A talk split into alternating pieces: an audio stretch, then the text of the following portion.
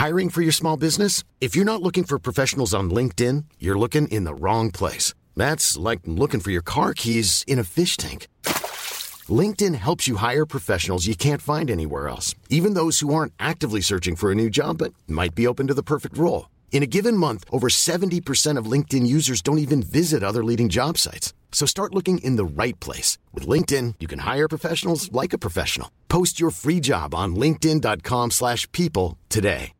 Hey, Dave. Yeah, Randy. Since we founded Bombus, we've always said our socks, underwear, and T-shirts are super soft. Any new ideas? Maybe sublimely soft. Or disgustingly cozy? Wait, what? I got it. Bombus. Absurdly comfortable essentials for yourself And for those facing homelessness. because one purchased equals one donated. Wow, did we just write an ad?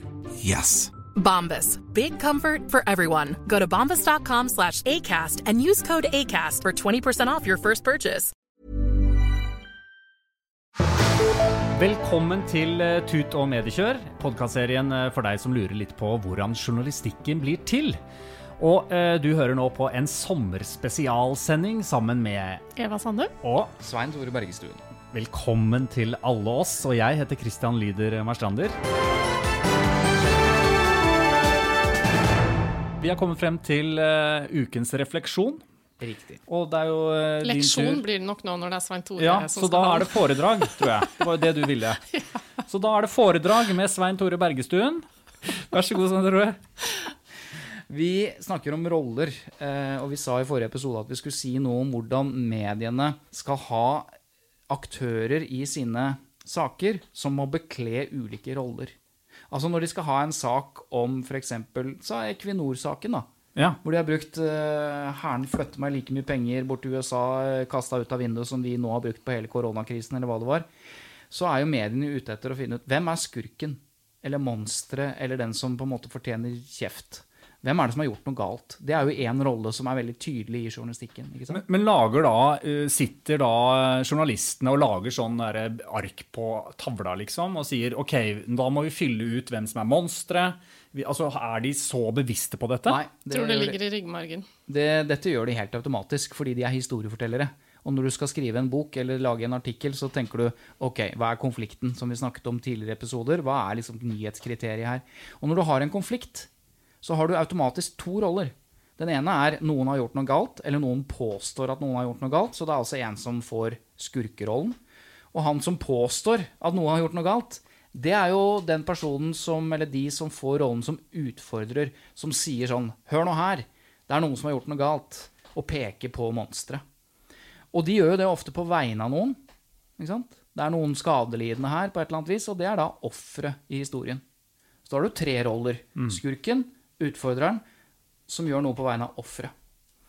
Og så kan det hende dette er et, en sak som krever litt forklaring. Og da er det gjerne Hvem er det som kan sette dette i sammenheng? Hvem kan si at ja, vet du hva det, Få FHI på banen. Få Ja. noen til å forklare dette. Det er da Kommentatoren. Eksperten Eksperten. ikke sant? I, i dette. Også kanskje historien er såpass eh, Det kan jo hende historien pågår en liten stund, så noen kommer inn og rydder opp.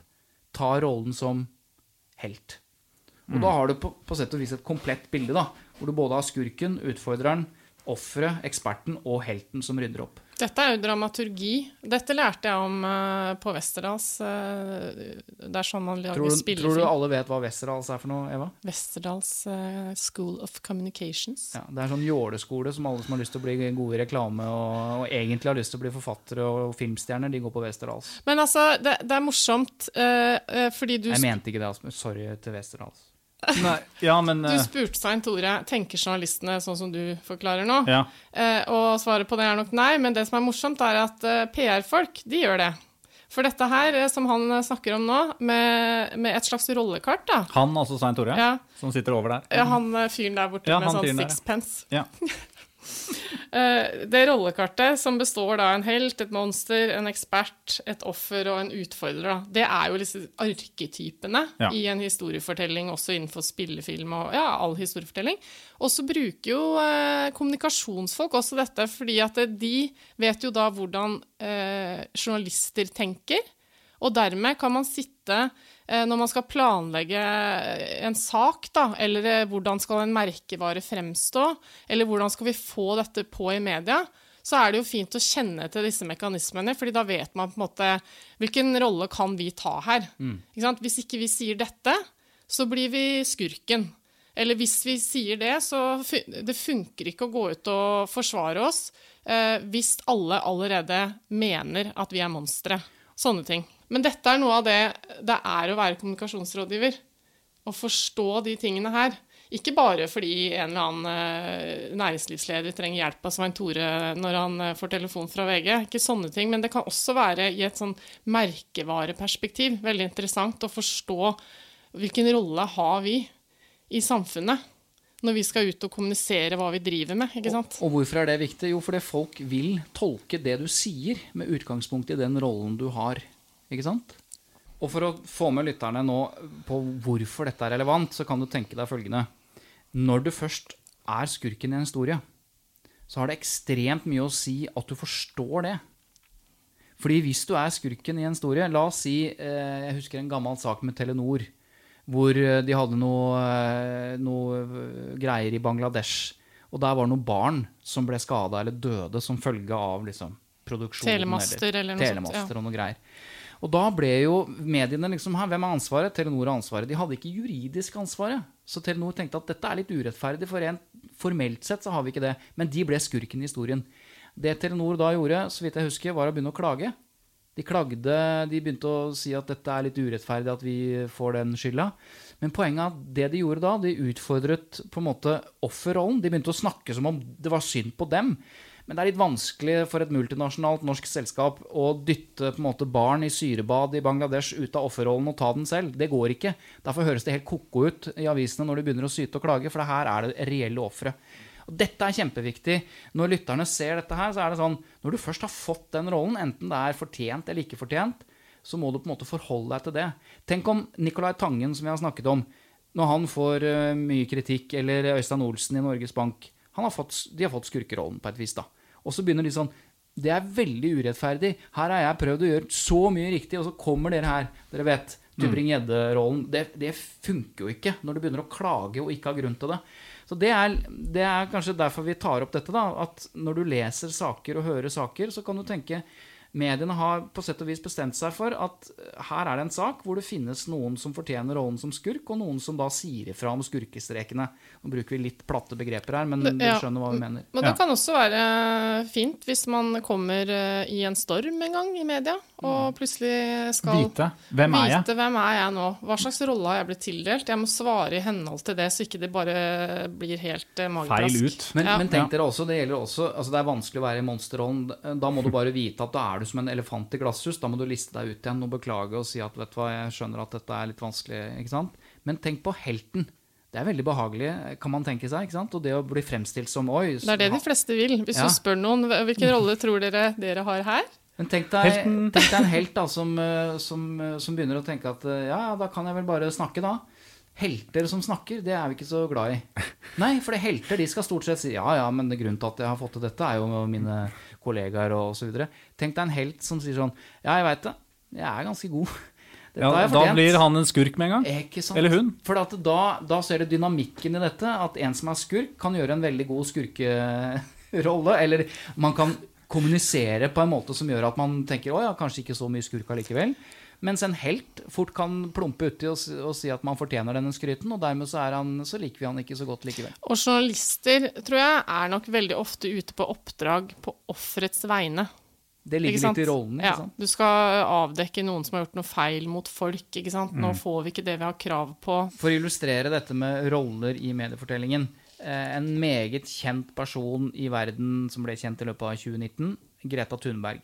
Hun har i veldig manges øyne en klar rolle som utfordrer. Ikke sant? For hun utfordrer politikere og det bestående. For barn så har hun en ren helterolle.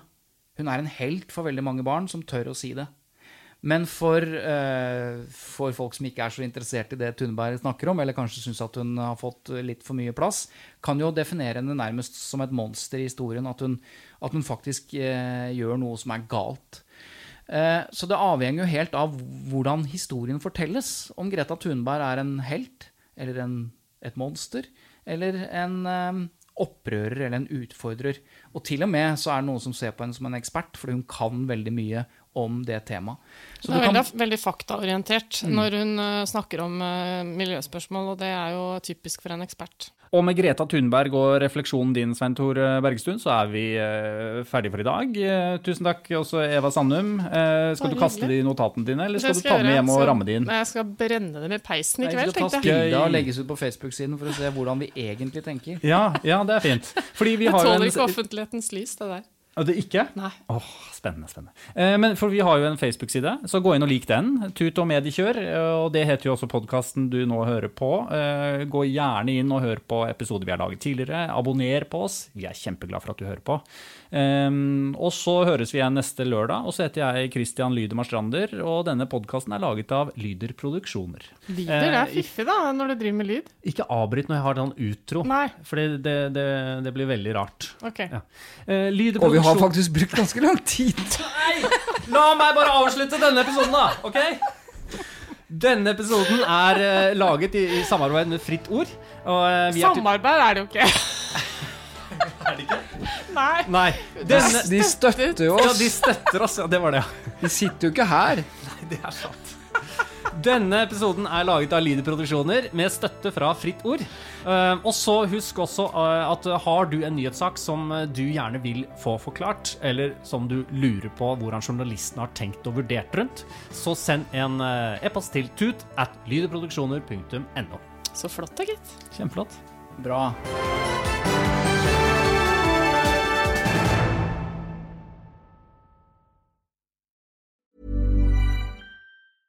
A lot can happen in the next three years. Like a chatbot may be your new best friend. But what won't change? Needing health insurance. United Healthcare Tri Term Medical Plans are available for these changing times. Underwritten by Golden Rule Insurance Company, they offer budget friendly, flexible coverage for people who are in between jobs or missed open enrollment. The plans last nearly three years in some states, with access to a nationwide network of doctors and hospitals. So, for whatever tomorrow brings, United Healthcare Tri Term Medical Plans may be for you. Learn more at uh1.com. Hey, it's Paige DeSorbo from Giggly Squad. High quality fashion without the price tag. Say hello to Quince.